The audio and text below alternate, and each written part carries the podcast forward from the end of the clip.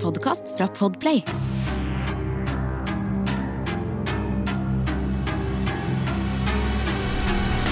Hei og velkommen til Forsyningsfredag podcast. Denne episoden her kan være veldig skremmende for enkelte lyttere, og den inneholder beskrivelser om bl.a. dyremishandling, seksuelle overgrep, nekrofili og kannibalisme. Og saken er generelt veldig grafisk og ekkel, så dersom du er sensitiv til informasjon som dette eller er yngre, så vil jeg anbefale deg å lytte med en du stoler på, eller å skru av. I denne sesongens aller aller siste Forsyningsfredag-episode skal jeg fortelle dere saken om Richard Chase, også kjent som vampyren i Sacramento eller The Dracula Killer. Det her er mannen som rett frem trodde at han var pent nødt til å drikke blod fra mennesker og dyr for å selv holde seg i live. Richard Trenton Chase ble født 23. mai 1950 i Sacramento i California. Det beskrives at Richard kom fra et veldig voldelig hjem, der han ble banka av faren sin dersom faren mente at han ikke oppførte seg ordentlig. Og det her resulterte da i at Richard allerede i en alder av ti selv begynte å vise voldelige tendenser. Ungdomsåra til Richard er prega mye av at han havner i et miljø der det er bruk av mye alkohol og ulike rusmidler. Og allerede i andreåret sitt på videregående blir han faktisk dømt for besittelse av marihuana, hvor straffa han får er samfunnstjeneste i helgene. Parallelt med det her så har også Richard flere kjærester, men han klarer aldri å opprettholde noen av dem. Eh, og alle forholdene han er i på den tiden her, er generelt veldig korte.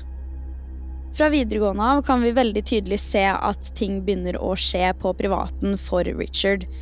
I 1968 oppsøker han faktisk en psykiater for å prate om problemene sine, og først og fremst er jeg også nødt til å fremheve det faktum at han dro til en psykiater i det hele tatt. Fordi på det tidspunktet her, altså den tiden vi var i her, så var jo psykiske lidelser og generelt psykisk uhelse veldig lite prata om og tabubelagt. Så det at han oppsøkte en psykiater, kan jo si noe om hvor ille ting var på privaten for hans del.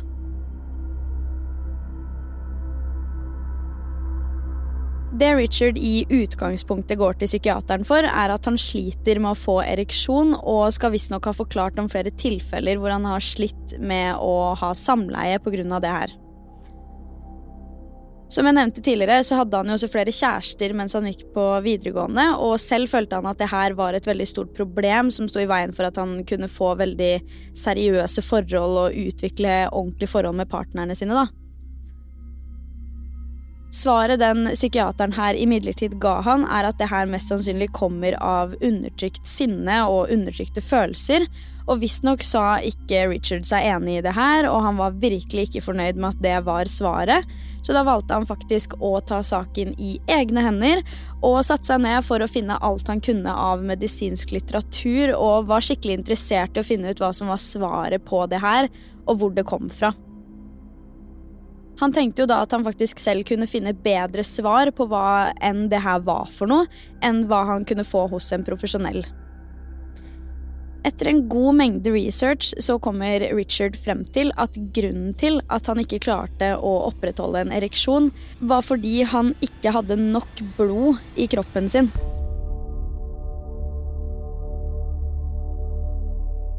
Rett etter videregående ender Richard opp med å flytte ut hjemmefra og skaffe seg en leilighet sammen med noen kompiser fra skolen. Det er nå avhengigheten hans for alkohol og andre rusmidler blir skikkelig skikkelig ille, i tillegg til at Richard nå viser sine kanskje litt mer merkelige sider. Richard elska nemlig å gå rundt i leiligheten naken, uansett omstendighet, uansett om det var foran samboerne eller ikke.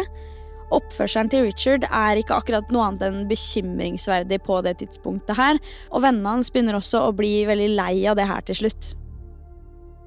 Det ender med at kompisene til Richard flytter ut pga. oppførselen hans, som igjen tvinger Richard til å flytte hjem til foreldra sine i en alder av 21.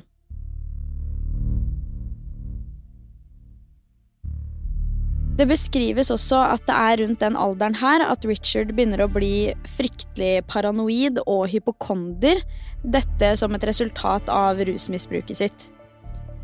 Det gikk faktisk så langt at han selv fortalte medisinsk personell at han var overbevist om at noen hadde stjålet hovedpulsåra hans, og at hjertet hans ofte stopper pga. dette. Under noen omstendigheter så hadde han visstnok også fortalt en lege at han var overbevist om at blodet hans ble til pulver. Det er nå når Richard bor alene at han også begynner å få utløp for alt han har inni seg. Sånn som psykiateren sa tidligere, så var det jo mye her av undertrykte følelser og undertrykt sinne. Nå bruker han mye av tida si på å jakte på dyr og enten spise dem rå eller å lage smoothies og lignende. Det er rapportert om flere hendelser hvor Richard er funnet med blod i hele ansiktet, som han selv hevda og mente at kom fra at han hadde klart å kutte seg i ansiktet mens han skulle barbere seg, mens han egentlig hadde bitt hodet av fugler og sugd ut blodet.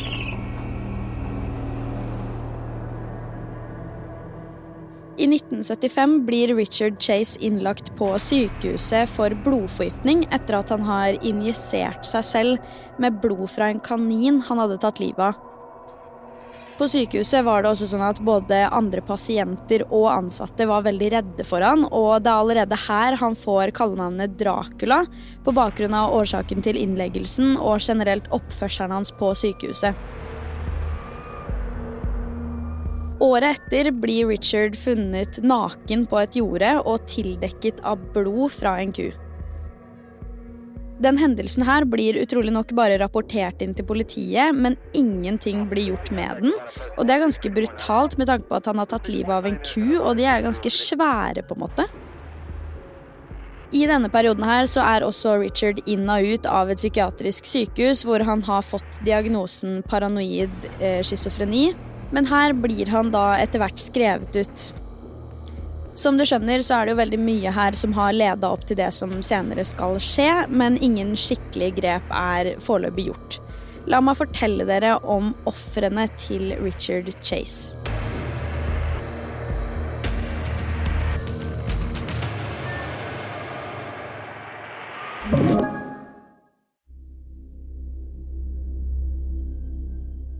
29.12.1977 er dagen det første drapet skal finne sted. Han tar nå livet av 51 år gamle Ambrose Griffin, som var en ingeniør med to barn hjemme. FBI beskriver dette som en drive-by skyteepisode, og visstnok var det her et drap som Richard brukte som oppvarming til drapene han hadde planlagt å utføre senere.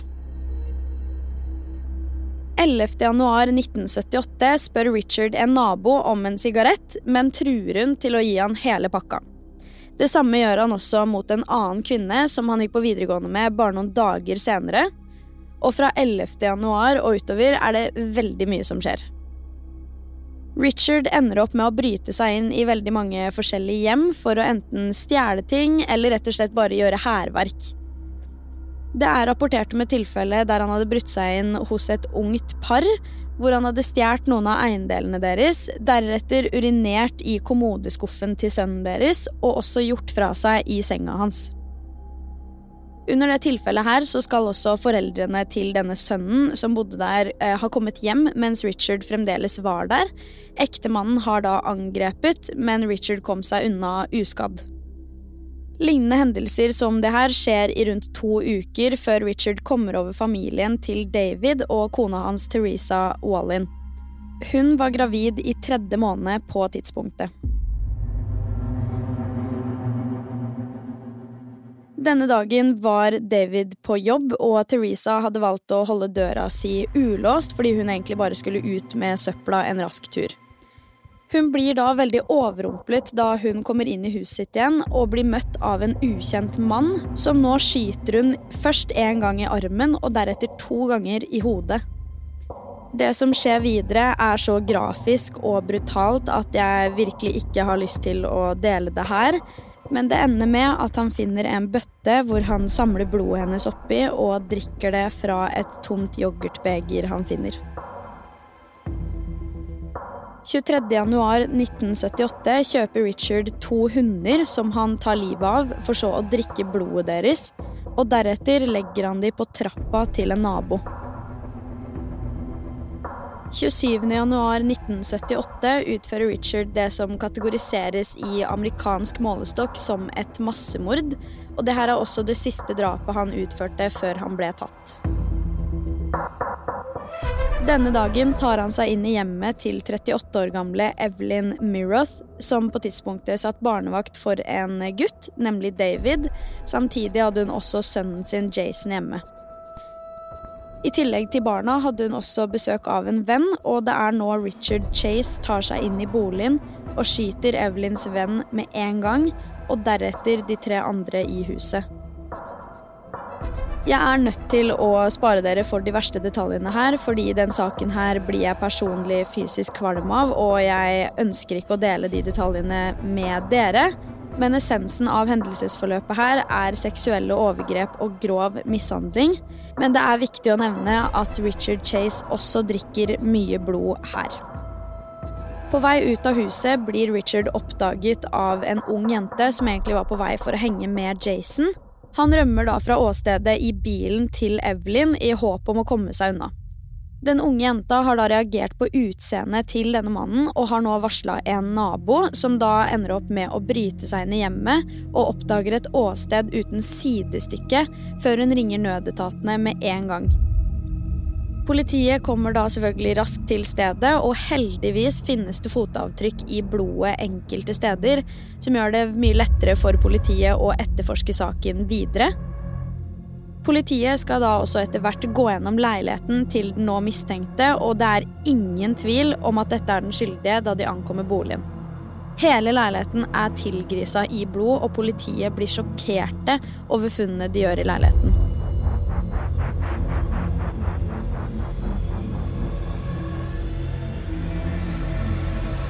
Under rettssaken i 1979 sier Richard seg ikke skyldig i overlagt drap på bakgrunn av utilregnelighet, men 8. mai 1979 blir Richard Chase funnet skyldig for seks tilfeller av overlagt drap, og får dermed dødsstraff.